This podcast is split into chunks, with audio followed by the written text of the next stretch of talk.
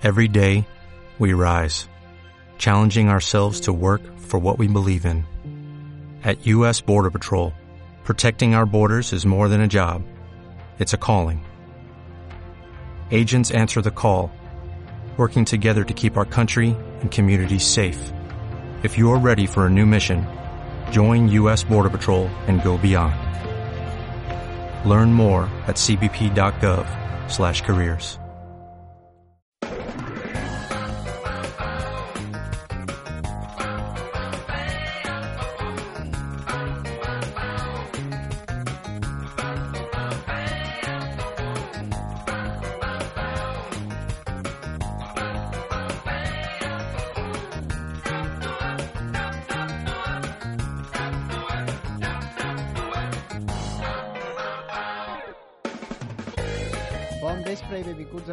Sortides d'Emergència. S'acosta la Setmana Santa i per a molts això significa també vacances. Al programa sempre tenim excuses per sortir de casa i durant aquestes dates encara més.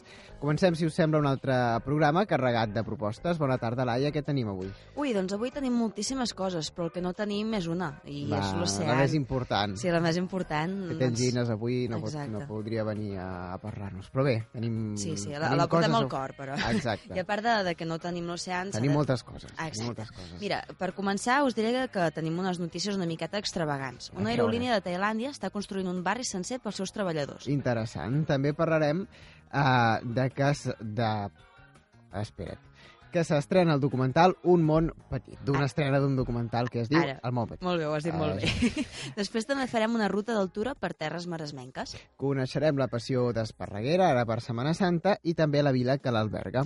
Parlarem amb Toni Ortiz, un dibuixant que ha viatjat per tot el món. I, finalment, l'Andrea ens porta un rànquing dels aeroports més perillosos del món. Sí, ja veureu que interessant. Sou a Mataró Ràdio i això és Sortides d'Emergència, un programa per sortir corrents.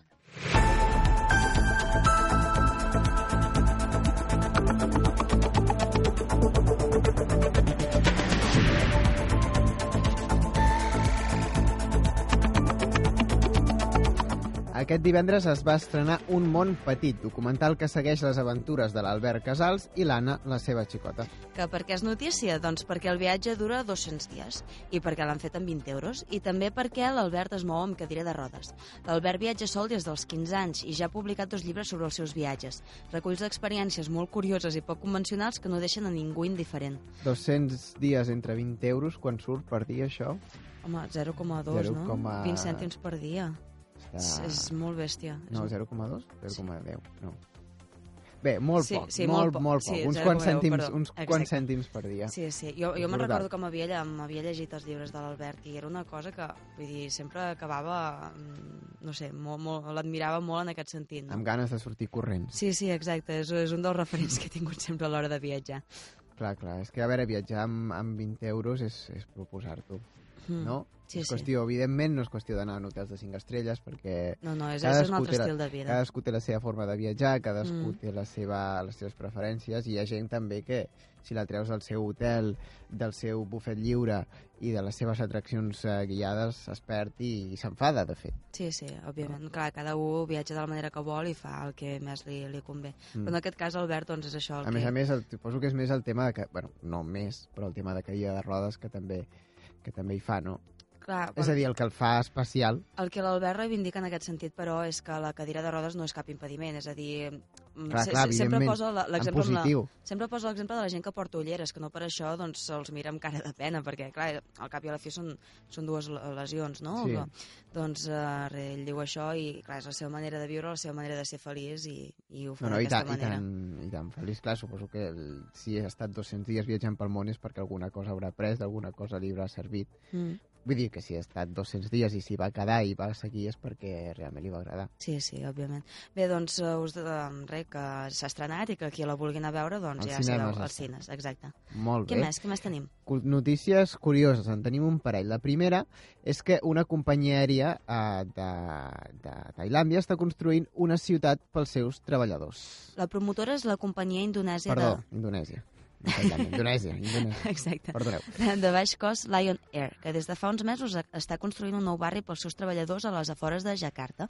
Allò que es diu Lion City, eh, original, Sí. i tindrà 1.500 cases adossades perquè hi visquin els pilots amb les seves famílies. A més, també s'està construint un hospital, una escola i un centre comercial. S'espera que l'any vinent passin uns 800 nens per la nova escola. Una ciutat en miniatura. Exacte. Em, em recorda l'Autònoma una miqueta, la vila de l'Autònoma. Salvant totes les distàncies. Ah, òbviament, és a dir, fet- sense festes universitàries, doncs, en Bueno, principi. això no ho saps, tampoc, perquè, no sé, que cadascú que... Vull dir, que faci el que vulgui, però una, és realment una ciutat en, en, en construcció encara. És una mica estrany perquè eh, recordo una mica el, el boom de la construcció que hem tingut aquí, perquè veus les... Evidentment encara no està tot habitat, perquè 1.500 cases significa una, una població, no sé, de 4.000, no sé quanta gent, no? Però 6.000 persones com a mínim. Si sumes que cada... Clar, clar, clar, en principi quatre persones per casa. Exacte. Sí. Com, I clar, no sé, no sé quin és el, el rànquing de, de... Bueno, el rànquing, el, com es diu això? La taxa de, de natalitat i de fills per família a Indonèsia, però té pinta de que és més alt que aquí, Sí, sí, sí. no? I aquí crec que és un fill i mig per família. Sí, La mitjana, doncs allà Mm. potser és dos o dos i mig, per tant, Sí, sí. déu-n'hi-do. Uh, tot i així, encara aquesta ciutat està al costat de l'aeroport de, de Jakarta, però encara no està poblada del tot. És a dir, que veus les cases, veus el... mm.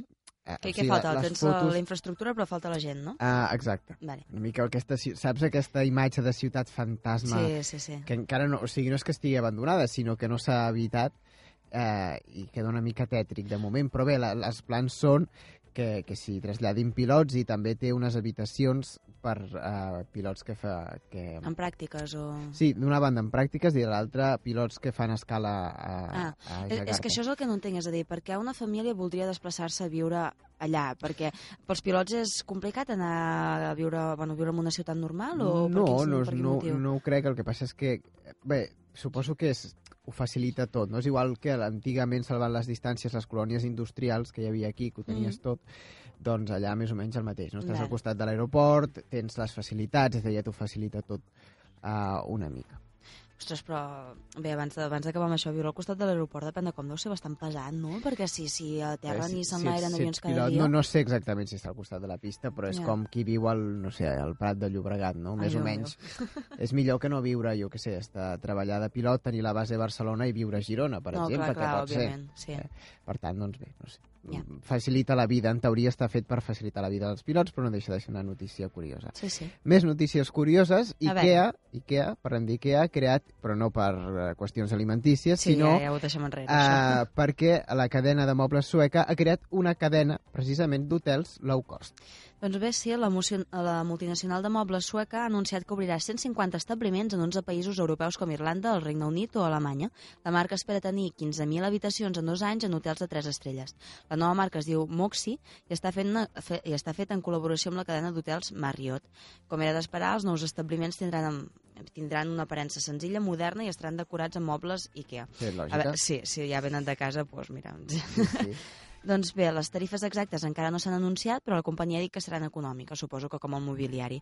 En una Mhm. primera fase s'obriran hotels a Berlín, Frankfurt, Milà i Londres. Mhm. Home, també és una manera de denunciar, de fer publicitat dels seus mobles, no? Perquè si aguanten en un Sí. hotel vol dir que són... Sí, no, són, els mobles d'IKEA són, estan pensant, bueno, estan pensant, no, no és qüestió de fer publicitat, no? Però, però sí que és veritat que aguanten... Ja se n'han fet prou aguanten- últimament ells mateixos, eh, de Exacte. publicitat. No, però vull dir que aguanten bastant, vull dir, estan fets perquè no, no són, evidentment, tots sabem que no són mobles de gamma alta, Mm, però que estan fets per, per durar, no? clar, clar. I, bueno, en aquests hotels, evidentment, suposo que hi ha... Bueno, no hi haurà més rotació que una casa, perquè si t'hi fixes tu al teu llit, en principi dorms cada nit. Clar, sí, sí. I en un hotel, al revés. En principi, cada nit potser no està ocupada l'habitació, per tant, és Ja. possible que, que aguantin més.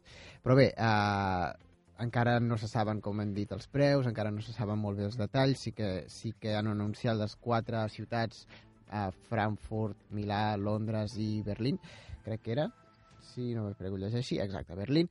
Eh, en principi els llits vindran muntats, eh? Això sí. Vull dir que no, no ens els haurem de, de muntar Menys mal, menys mal, encara sort.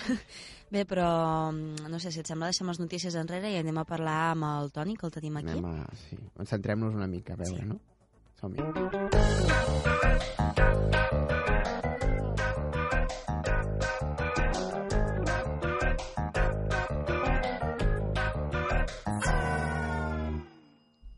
Un dels punts forts de cada viatge és poder mirar amb ulls nous com de nounat. L'arquitectura, els colors i les textures ajuden a fer-nos una idea de què ha passat al llarg dels silencis que alimenten les cantonades i els murmuris que creixen en els mercats. Però a vegades els ulls poden enganyar-nos i crear il·lusions que no es corresponen amb la realitat tangible. I de fet, aquesta és la feina del Toni. El Toni Ortiz és un artista polifacètic que transforma pigments en cossos 3D. Hola, bona nit, Toni. Bona nit. Com, com estàs? Bé, bé, molt bé. A veure, Toni, per als nostres oients, explica'ns uh, una miqueta què, què és el que fas, a què et dediques. Mira, jo sóc eh, dibuixant, artista, que ha aplicat el, el, el dibuix i la pintura al món de l'espectacle. Mm. Entre altres coses, eh, com has dit abans, els, els dibuixos en tres dimensions realitats a terra. Mm. Però en el món de l'espectacle és a dir, un espectacle que, que és fix o que a vegades està en moviment? Ah, a veure, clar, eh, si, si parlem de d'activitats, hi, ha, hi ha dibuixos que, que, que, que es puc fer amb actors o a, a les però en, en aquest cas en qüestió, el dibuix de 3D al carrer és un espectacle al carrer on, on la primera part és la realització del dibuix i la, i la segona, un cop el dibuix està realitzat, el dibuix és de la gent, per tant la gent es fa fotos amb el dibuix i, i es creen aquestes sensacions tridimensionals. Mm, és a dir, ha la interacció no, del públic en aquest sentit? Perdona? Hi ha, hi ha la interacció del públic en aquest sentit, Sí, oi? sí, exacte, exacte. Un cop el dibuix està acabat, sí, sí, és quan la gent participa fent-se fotos amb ell. Mm. Escolta una cosa, és una professió un tant curiosa. Com és que vas començar a, amb això? Sí, mira, eh, jo com t'he dit abans soc dibuixant i, i em vaig comen uh, començar a introduir al món de l'espectacle a, a través de fer bolos de caricatures. Mm. Val? Llavors, el contacte amb, amb la gent m'agradava més que estar tancat a l'estudi. I després de- d'anar voltant i anar rumiant i anar-me documentant, doncs el, el, tema dels dibuixos de 3D és el que potser més m'agrada i el que em permet viatjar més. Mm. Clar, perquè tu, tu viatges molt, no? És a dir, on, on has estat um, arrel de la teva Mira, professió? ara la setmana passada vaig estar a la Índia. A principi La, la setmana passada, abans- com qui no vol la cosa, no? Sí. I a principis d'any vaig també a Friburg, a Alemanya, Sí? Um, amb, amb una fira d'art de carrer. Sí que si hem de parlar de països d'Europa, doncs, eh, sobretot Holanda, Bèlgica, França, Mm. eh, properament serà Itàlia, i després, sobretot, els països àrabs, eh, Oman i Aràbia Saudita. Ostres, déu nhi Mm. Bona I tarda, Toni. Egipte, perdó, també, sí, sí. I on, on, perdona? I Egipte, Egipte, Egipte, també. d'acord. Vale, Toni, bona tarda, sóc en Josep, que et volia fer una pregunta.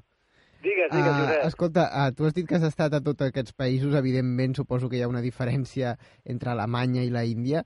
Uh, notes també que hi ha una diferència de la rebuda d'aquests dibuixos que fas en, en, en aquests països Mm, diferents? Sí, eh, eh, a veure, hi ha una part, hi ha una part que és la sensibilitat cultural, la sensibilitat cultural que, que, que té el públic, Mm. i amb això, amb aquesta diferència, no, no, no és tanta, perquè te'n dones compte que, malgrat les cultures, eh, la sensibilitat cultural eh, pot ser la mateixa. Saps què Mhm. vull dir? Sí, Sí, sí que hi ha diferència, sobretot a l'hora de, de que tu quan demanes la fitxa tècnica, de com que et preparin el terra, sí que els alemans són més eficaços, però el públic, en quant a sensibilitat, no, Sí. no és tanta la diferència com ens pot semblar. ah, o sigui, que veuen un dibuix i s'aboquen igual, no, diguéssim? Sí, sí, sí, sí, sí, evidentment, sí, sí. Mm -hmm. Um, uh, perdona, t'anava a demanar, perquè que viatges tant vol dir que aquí uh, els teus dibuixos no són prou ben valorats o estan més valorats a fora o com funciona això?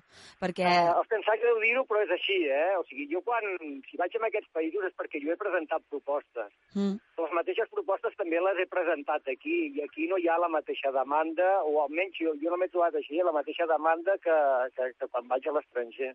Mm -hmm. Què ens passa aquí, doncs? O què creus que ens passa? No, Perdona, és que ara, ara no, no t'he... No, no, dic, què, què, què, què creus que ens passa aquí per no... Estem espatllats o...? Sí, Bueno, ara, ara, ara estem en un moment de, en un moment de, de, de crisi i, Mhm. i això es nota, es nota una mica. També nosaltres ho sabem, o sigui, tu quan surt més a la premsa o és més atractiu de cara a la premsa i tal quan ve un artista estranger. sí, sí, sí, això, clar. Suposo que és, és el mateix cas. Sí, o sigui, t'admiren amb altres ulls, no?, suposo. Sí, sí, sí, sí, sí. Clar, jo ara, per exemple, jo col·lecciono els articles de premsa en tinc més a l'estranger que no pas els de casa. Ostres, Clar. és, és curiós això. Sí, sí, sí. Escolta una cosa, perquè al cap i a la fi la, la teva professió és, és una aventura. Et truquen d'un lloc, i has, de- bueno, hi vas, i la setmana que ve et truquen d'un altre. Això com, com, Sí. com ho compagines amb la teva vida del dia a dia? Mm, Mira, jo, mira, jo visc a, a Montpalpa, tinc una família amb, amb tres fills i normalment aquestes comandes són a través d'un mànager. Mm. Mm. El mànager és, és, és la persona que se'n cuida de buscar-me i buscar-me aquesta feina. Mm. I llavors simplement, o sigui, et, eh, et truquen i escolta tu, la setmana que ve surt, eh, has d'anar on sigui i, i tampoc no és tant, no? O sigui, és marxar dos o tres dies fora de casa i llavors continues. Ah. Tampoc, tampoc no és cap no és cap Mm. complicació a nivell familiar. Ah, sobretot si fas el que t'agrada, no? Suposo, perquè... Exacte, evidentment. És que sí, això sí. ho compensa, no? Uh, els viatges que, que fas, suposo que a partir de... qu- Quan vas, o sigui, vas començar a fer viatges des del principi o primer vas uh, començar a pintar aquí? No, no, jo, els primers dibuixos jo els vaig fer aquí. Aquí.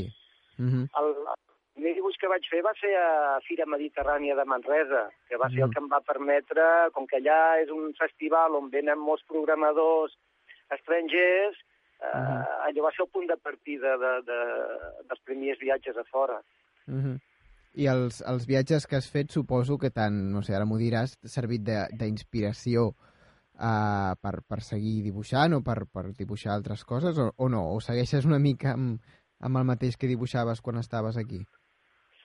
Evidentment, cada cop que vas a un, cada cop que vas a un país, que Mhm. el dibuix jo ja el començo des de casa meva. És a dir, o sigui, jo abans d'anar allà els hi, intento que m'enviïn fotos per documentar-me en aquell país Uh -huh. i així ela- elaborar el dibuix. I a mesura que vas viatjar, no, doncs et vas documentant i et vas nodrint i, clar, i tot això es nota amb els dibuixos. Clar, clar. Um, a veure, ja per, a, per anar acabant, ens podries explicar una experiència que t'hagués passat això que sigui curiosa o que, que recordis amb especial amb especial carinyo o no sé. Vale. Uh, per exemple, uh, a veure on podríem ser... A Oman, a Oman, a mitja, l'any passat hi vaig estar-hi uh, de, durant, durant un mes Uh -huh. i, bueno, clar, al principi estan acostumats a veure aquestes coses a, a terra i et demanen a preguntar què és això i per què ho fas Uh -huh. i a vegades, eh, si quasi no devien països, molta gent caminava sobre el dibuix, o sigui que allà va, va, costar una miqueta de Vale. d'entendre aquest, aquest concepte, no? Però llavors no, un cop s'acostumat a- s'acostumen a veure cada dia allà i tal, doncs ja Mm. és de normal. Però bé, la curiositat és bona, no?, també, en aquest sentit, pels teus dibuixos. Suposo que Sí, la, la, sí. l'atracció, part de l'atracció està en la curiositat de, de l'originalitat, suposo, no? Sí, sí, evidentment, i tant, i tant. Perquè ja, llavors, clar, això és igual en tots els països, suposo, també. Això no sí, canvia. Sí, sí, sí, i tant, està clar. No són tan diferents, eh? Exacte. Um, bé, doncs si et sembla ho deixem aquí. Uh, Toni Ortiz, com et podem trobar a internet? Mira, si, uh, a la meva pàgina web és www.estuditoniortiz.com D'acord. Molt bé, I i si més no, si tu al Google busques Toni Ortiz... que sortirà segur. Sa- Sant Google. Sí, sí. Bé, Home, doncs- us ho recomanem perquè són coses originals, eh, realment, els dibuixos. Mm. No, no, no, no, no, hi ha molta gent que ho faci, això, Toni. Exacte. Bé, doncs moltíssimes gràcies pel teu temps. Esperem que Molt bé, tinguis un bon gràcies a vespre. vosaltres. Vinga, Toni, Adéu. gràcies. Vinga, Adéu. adéu, adéu.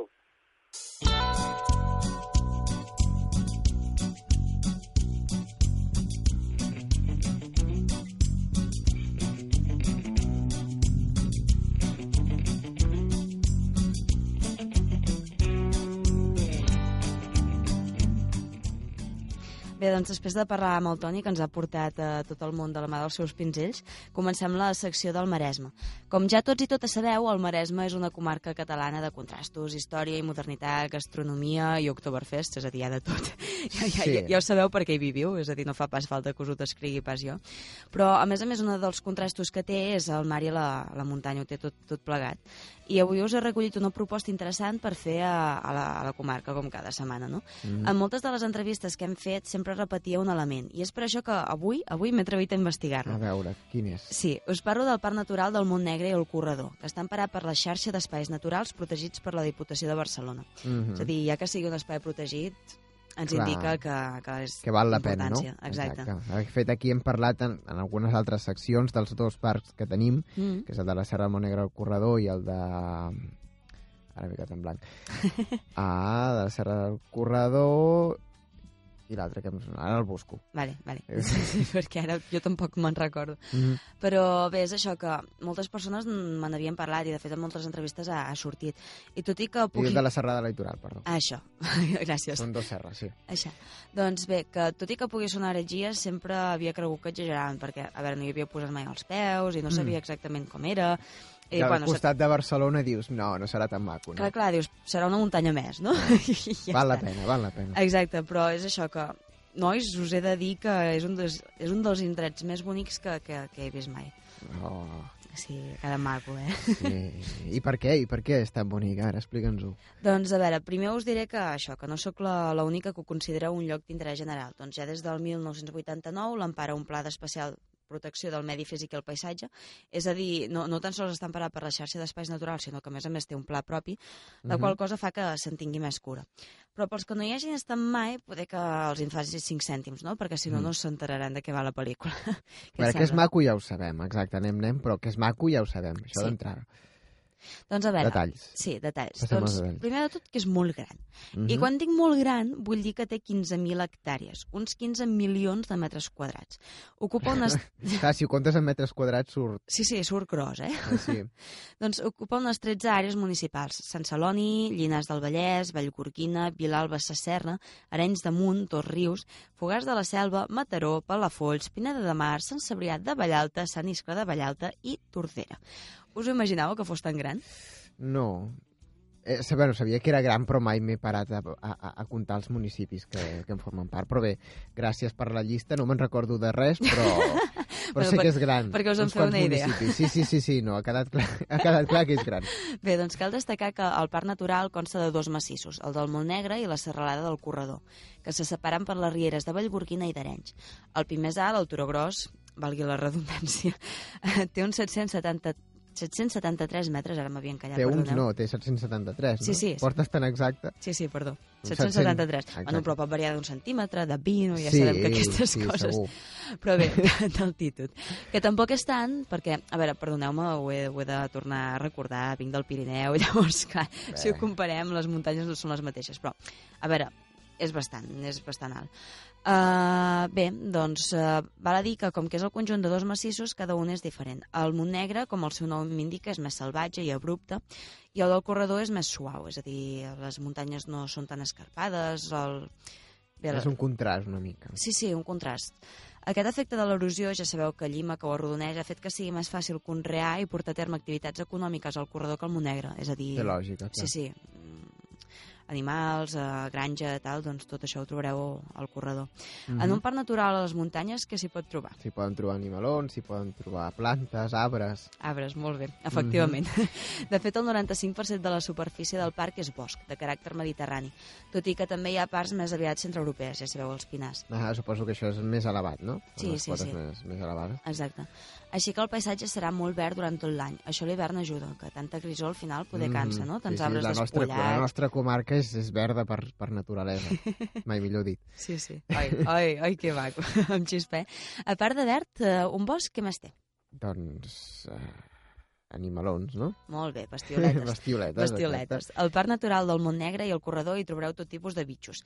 Esquirolets, lirons, pardals... Però, sens dubte, el meu preferit és la gineta. Saps què és? No, com una guineu pot ser? Té pinta o no? Sí, sí, és un entremig d'un gat i una guineu. És un mamífer, Eh, sí, d'acord? i menja carn, és a dir, no... no, Un no mamífer carnívor. Sí, però és petitó, vull dir que no se'ls menjarà, cap problema. Sí, home. No és un lleó, no tenim No, lleons no. per dir. Ostres, t'imagines? Va, va, vas a Seria buscar divertit. bolets seria, allà. i- Seria divertit, un però no, no, no.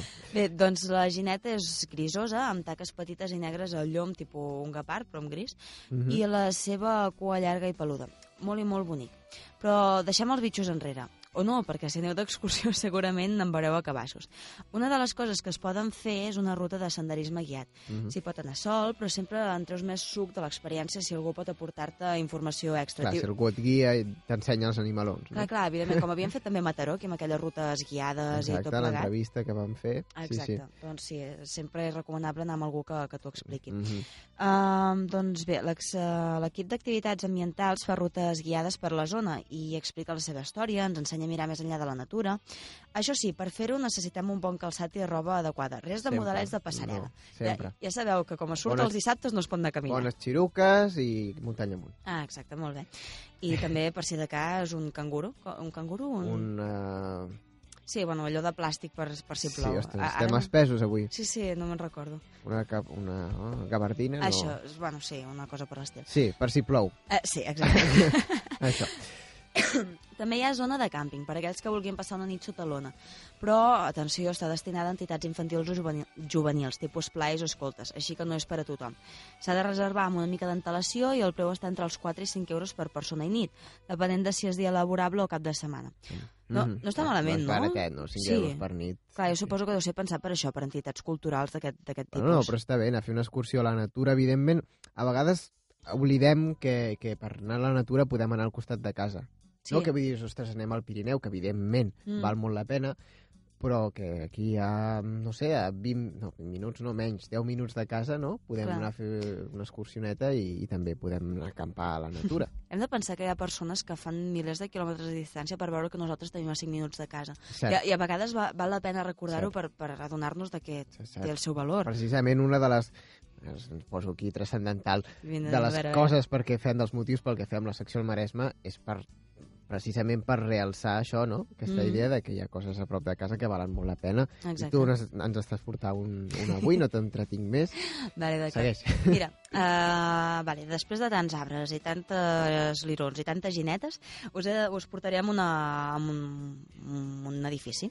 Un dels Mhm. llocs que val la pena de veure és l'ermita d'Orsavinyà, que a Orsavinyà Sí, ja n'havíem parlat algun ja havíem altre dia. estat, sí, sí. Eh, L'ermita aquesta es pot dir Santa Eulàlia o Sant Llop. Hi ha diverses rutes de- per fer la zona i una d'elles hi passa. Ja n'havíem, bueno, com us deia, n'havíem parlat, eh, ja ens... La part oriental de la Maresma, recordeu, tocant a la selva. Mm, molt bé. Uh, I us refrescaré la memòria per si de cas no l'haguéssiu sentit o per Si qualsevol us cosa. haguéssiu perdut aquest programa, cosa molt estranya. No? Exacte. No, fa, va, fora floretes. Sí. Està documentada des del segle XI i té origen romànic, com gairebé tota l'arquitectura bueno, d'aquella època. I tot i que s'ha anat modificant al llarg del temps, eh, perquè ara bé, té coses barroques i té coses de diferents estils. Durant la Guerra Civil es va cremar tots els objectes de culte que contenia, però es va salvar la imatge de, de Sant Llop. Dada Mhm. curiosa. Tradicionalment s'ha dit que aquest sant cura el mals de colls i la fonia. Uh, veus, a l'oceà avui li hagués anat bé això, pobre, que estava ben afònic. Exacte. Doncs bé, Hauria de fer una excursioneta a Sant Llop. Exacte, exacte. Diu la llegenda que si un home veia un llop abans que aquest el veiés a ell, el llop perdia la veu, és a dir, no podia udolar més. I si era al revés, eh, l'home perdia la veu de l'ensurt. D'aquí en principi ve la relació de Sant Llop amb la gola, perquè d'entrada sembla una relació una miqueta arbitrària, no? Sí, no, clar, si veus un llop pots espantar-te, pots arribar a espantar-te, no? Sí, sí, però d'aquí perdre la veu o que es relacioni el... Bé, Les llegendes ja sabeu, sí, sí, són molt, molt una imaginari. mica arbitràries de vegades. Doncs ja sabeu, si esteu constipats per provar.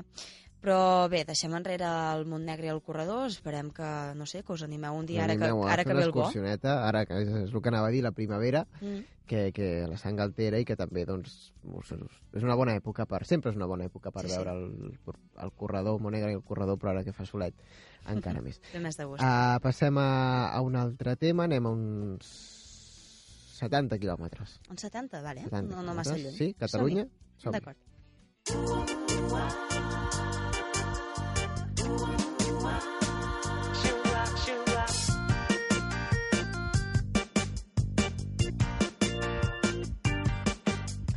Doncs vinga, avui enfilem cap al sud de Barcelona, a una zona que, com he dit, queda a uns 70 quilòmetres de Mataró. De fet, de Sant Llop seria una mica més, perquè, com he dit, està més oriental. Eh, ens estem situant a uns 50 minuts de cotxes, no, no, no arriba ni a una hora. Aprofitem que arriba la Setmana Santa i anem fins a Esparreguera. Suposo que a tu, Laia, quan algú eh, pronuncia el nom d'Esparreguera, també t'evoca la Setmana Santa, no? Sí, sí, sí. És a dir, sí, Ah. sempre l'he acabat relacionant amb això. Per... Home, hi ha les obres de teatre aquelles de la, la Passió, Passió, la? Passió, La Passió exacte. d'Esparreguera, I avui- i després avui també hi ha la, la Dolesa de, de Montserrat. Sí, exacte, per són, són d'aquella zona. La més antiga de Catalunya, però és la de Cervera. La de... Cervera? La de Cervera no. La de... Sonava que era la Dolesa, però... La, no, la d'Olesa no és, la de Cervera, no? Passió de... Po- Pot ser, no en tinc ni idea. Cervera. Josep. Ara m'has matat, em en pensava tot, que era la en Dolesa. tot cas, no, no, la d'Olesa no és, segur. Uh, la d'Esparreguera, tot i així, és, és important i ara us en faig uh, 5 cèntims. Uh, la Passió és una obra de teatre que representa els últims moments de la història de Crist, segons la Bíblia, i és una tradició que es va començar a celebrar a Catalunya uh, al segle XV. Val a dir que, per les seves característiques, només es representa al voltant de Setmana Santa i en uns pocs pobles de Catalunya. La passió més antiga d'Europa és la de Cervera, ho tenia apuntat aquí. Uh, com he dit, Tenies aquí la xuleta, eh? Exacte. Eh, és un poble que ja vam visitar fa, fa uns programes eh, i, com he dit, és de, del segle XV data aquesta, aquesta primera passió que es va fer a tota Europa. Sí que és antiga, sí. A tota A- Europa? A, tota, és la passió més antiga d'Europa. De fet, a. Catalunya hi ha uns pocs pobles que se representen, unes Esparregueres, Cervera, Mhm. Olesa, i també hi ha una Reus, crec, i alguns altres llocs, però són comptats amb els dits de, de les mans i ara veureu per què. L'origen de la passió són unes representacions que es feien a l'època medieval, anomenades misteris, on hi sortien personatges bíblics. Amb el temps s'hi van afegir figurants i l'escenografia es va fer més completa fins al punt que, a dia d'avui, hi ha uns 400 voluntaris que, de manera desinteressada, participen a la passió, és a dir, que estan sobre l'escenari. Mm. 400 persones, sí, sí, imagineu-vos hi ha, hi ha moltíssima gent eh, que, que surt a s'hi l'escenari amb s'hi aquestes aboca, s'hi representacions. aboca realment. Per tant, és una activitat que, que, que congrega tota la gent del poble. Sí, sí, sí. Tot i així, la música segueix sent en directe, com ho feia antigament, que és un dels trets característiques de, característics d'aquesta obra, i des de l'any 69, des de l'any 1969, la Passió d'Esparreguera es representa al Teatre de la Passió, Està que és una... eh, el nom del teatre. Sí, bé, el va, li van dir així perquè precisament, ja que tenien aquesta aquesta riquesa cultural, Mm. va, cultural van construir el, el teatre Clar, és que de fet aquests teatres estan fets expressament eh, en funció de, de les característiques d'aquest tipus de, de Sí, representacions, sí, oi? de fet és, és, un, és un, exacte, és un teatre amb un, amb un escenari bastant gran i també que pot albergar, albergar més de 1.000 persones. Més enllà de les vostres creences religioses, evidentment, aquest espectacle s'ha catalogat com un bé cultural del país i realment doncs, val la pena veure'l ni que sigui per la uh, majestuositat, el, la monumentalitat... Monumentalitat. Mon, monumentalitat Ah, molt bé. uh, de veure les 400 persones a, a l'escenari. Sí, jo me'n recordo que havia anat a l'Aldolesa i Sí. és espectacular, de debò, és molt bo. Clar, 400. A més a més, El- pensant que aquelles persones estan allà perquè, perquè volen, Clar, perquè de clar, fet clar, no clar. cobren, vull dir, Ah. no són professionals. Sí, sí. Però escolta una cosa, a Olesa no me'n recordo quan valia, però si jo volgués anar a Esparreguera, quan hauria de pagar? Mira, Perquè la- suposo que tanta gent se'ls ha de donar de menjar, no? Encara que no cobrin, però alguna cosa deu Sí, un, un entrepanet, no? Sí. almenys. Ah, no, realment és, és tot una posada en escena que, que, que, costa, que costa diners. L'entrada general, mira, són 20 euros i l'obra es representa fins l'1 de maig, és a dir, Mm. que teniu temps. Hi ha dues sessions al dia, de 3 hores cada una. Du dues sessions al dia. Sí, perquè Ostres. una és al matí i a la tarda, que a més a més no són dues sessions, sinó que eh, signifiquen dues parts diferents de la història de Jesús. Ah, per tant, vale. diguem-ne que és la mateixa, la mateixa història, però són, Ah. crec que són 23 actes, són un porró de, Ostres. un porró d'actes i, i ja no se'n fan d'obres així. Clar, clar, clar. I, I per això, no? una es fa sessió al, al matí, després a la tarda, però es segueix, diguem-ne, amb, la, Vale. amb la mateixa història. Per tant, és una activitat de tot el dia. Ah. Uh, és un espectacle molt llarg, com antigament, però ara les entrades es poden, es poden comprar per internet, s'ha modernitzat en aquest sentit, i ja us en deixarem l'enllaç a, a sortides de- d'emergència. Menys mal, menys mal que es poden comprar per internet. Però escolta una cosa, a veure, jo què sé, si en, en el suposat cas de que no tingués ganes d'anar-la a veure, um, perquè ja n'he vist una, què, què podria fer? Esparreguera, sí, també hi ha, hi ha més coses. Evidentment, si aneu eh, per la passió, passeu-vos-hi passeu un dia, perquè és Clar, tot un clar. dia de, de representació. Mm. Però, eh, Ai, insisteixo, perdona una pregunta, els 20 euros aquells eren pel matí i tarda o només per una eh, sessió? pels dos, crec. Pels dos. Mm -hmm.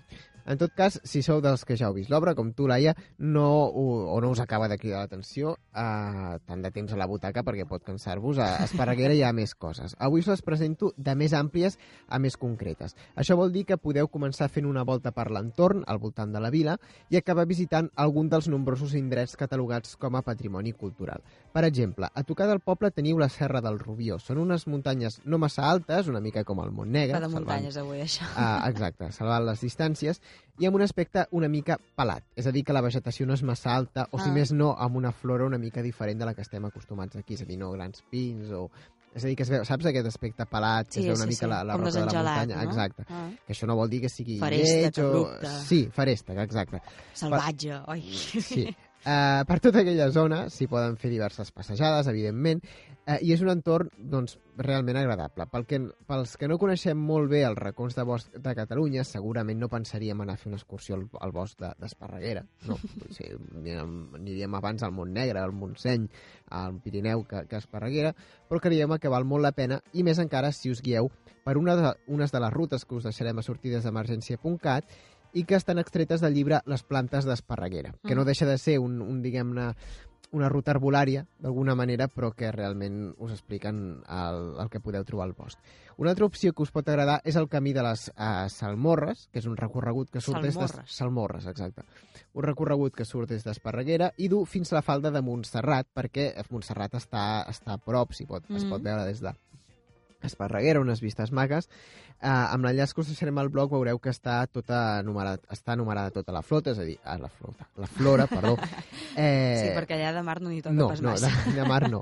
Eh, bé, si voleu, podeu tornar a desfer aquest camí, eh, però de fet sapigueu que acaba a l'aeri de Montserrat. Vull dir que si voleu començar a Esparreguera, fer tot aquest caminet, anar fins a l'aeri i pujar a la muntanya, doncs podeu. Molt bé.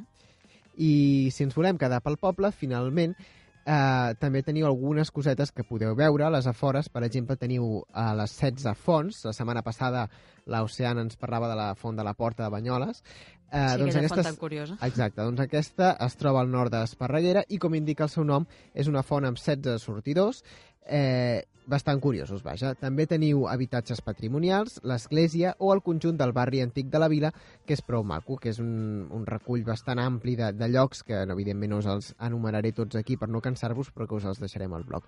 I per acabar, deixeu-me recomanar-vos un restaurant. És un vegetarià, Ai, això m'agrada. Que es diu Bindu i Ah. eh, és un restaurant de cuina casolana i vegetariana on també fan menús especials per a celíacs, eh, organitzen conferències, fan jazz en directe alguns dies del mes. Ah, carai. Eh, el proper concert, per exemple, és el 29 de març, vull dir que Mm. està molt bé i sempre està ple, la, el menjar és vegetarià, però evidentment és bo. També us en deixarem Home, clar l'enllaç. que el menjar No, no, no, vegetarià no. és bo. Evident, no, perquè a vegades tenim prejudicis a dir és una mica desengelat, pot No, ser-ho. no, no, Depèn no, de com el cuinis, pot ser desengelat, però no, no és el cas. Bueno, el mate... bueno, és igual. Sí, que està molt bo perquè és un restaurant. No, no, mira, està, està molt cuidat, a més a més si teniu doncs, això, jazz en directe, doncs què millor, us deixarem l'enllaç a sortides sortidesemergència.cat. O sigui que pel restaurant, per la passió o per les passejades del voltant, si voleu, Esparreguera val la pena, i encara més, evidentment, doncs, per Setmana Santa. molt bé, doncs ha estat molt interessant. Mm -hmm. Anem a situar-nos una mica amb música, Esparreguera. Molt bé, som-hi.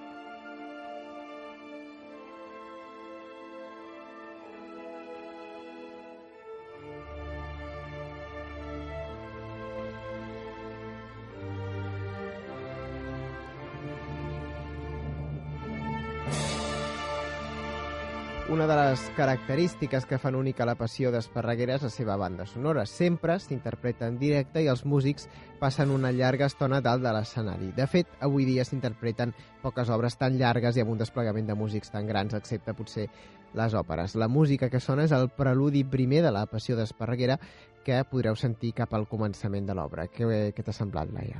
Maco, molt, molt bonic, que transmet moltíssimes sensacions. Sí, no? Molt teatral. Sí, sí, sí. Molt, molt teatral. Sí, sí. Uh, doncs bé, tanta, després de tanta passió anem a, anem a fer una cosa una mica més, més divertida, anem a un rànquing, veritat? Sí, um, rànquing. com que avui no hi ha l'ocean, doncs uh, malauradament no podrem fer exteriors, secció d'exteriors, però bé, és igual, la farem la setmana Passem a que ve. l'Andrea. Sí, sí, passarem a- del- a l'Andrea. del Rànquing és Sí. una secció gravada, aquest cop també, per això Sí. que us deia que ara sentireu a l'oceà, que no ens ha Parlant. abandonat, sentireu a l'oceà, no em sentireu a mi, vull dir... Sí, és així una mica... ah, una mica estrany. Per Sí. tant, Però bé, Ocean, la secció de, de l'Andrea... Andrea Exacte. i aeroports perillosos. Molt bé, doncs escoltem-la.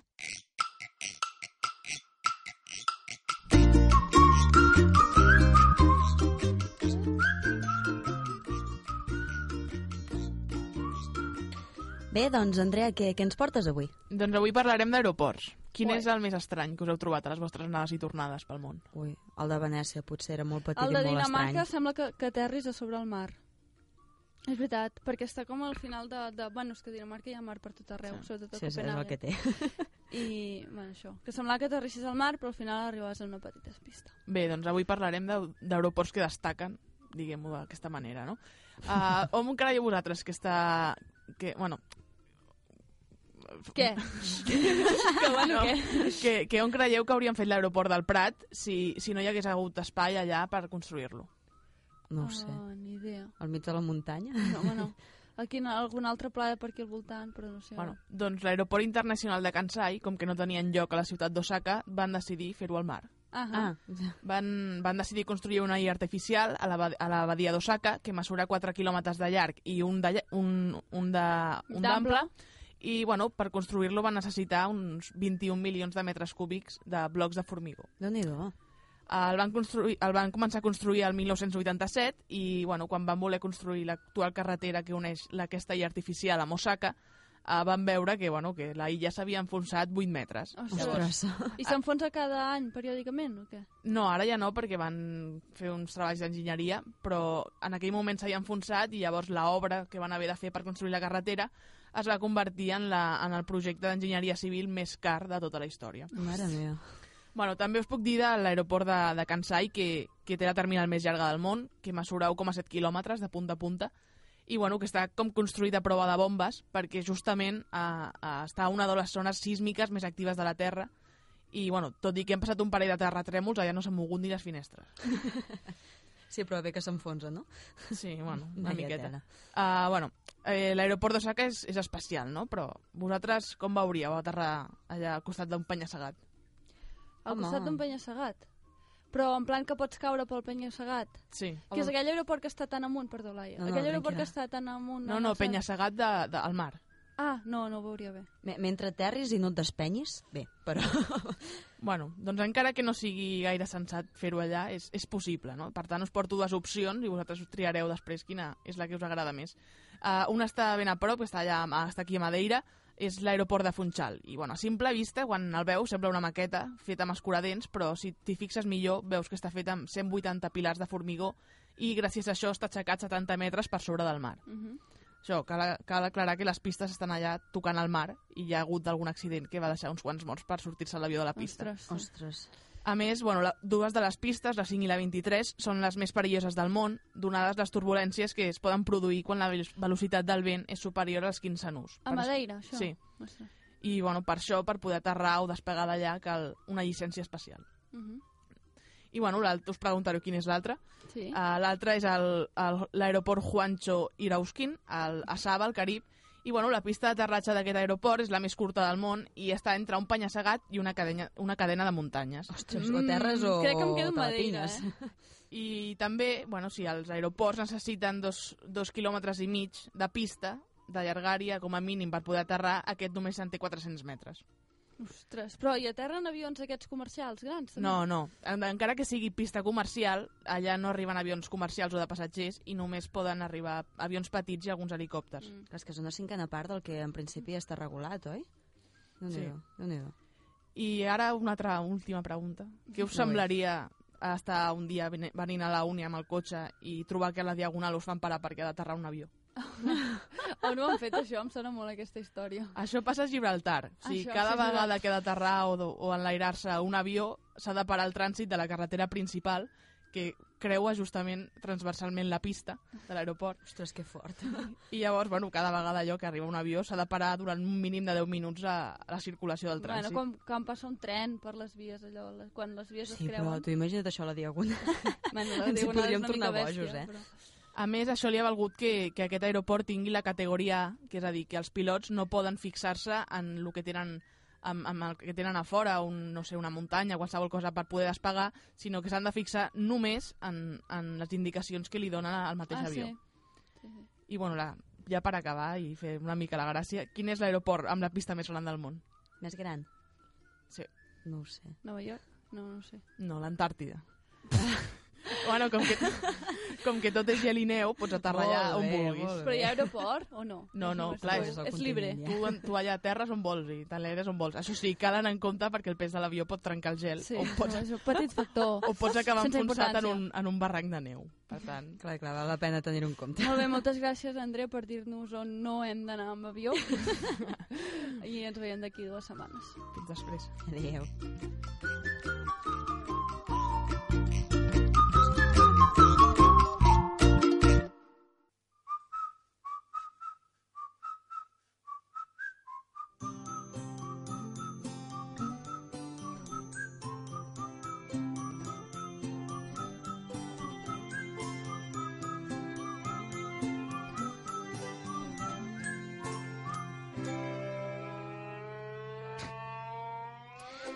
Esteu escoltant Five, In Five Years Time de No and the Whale.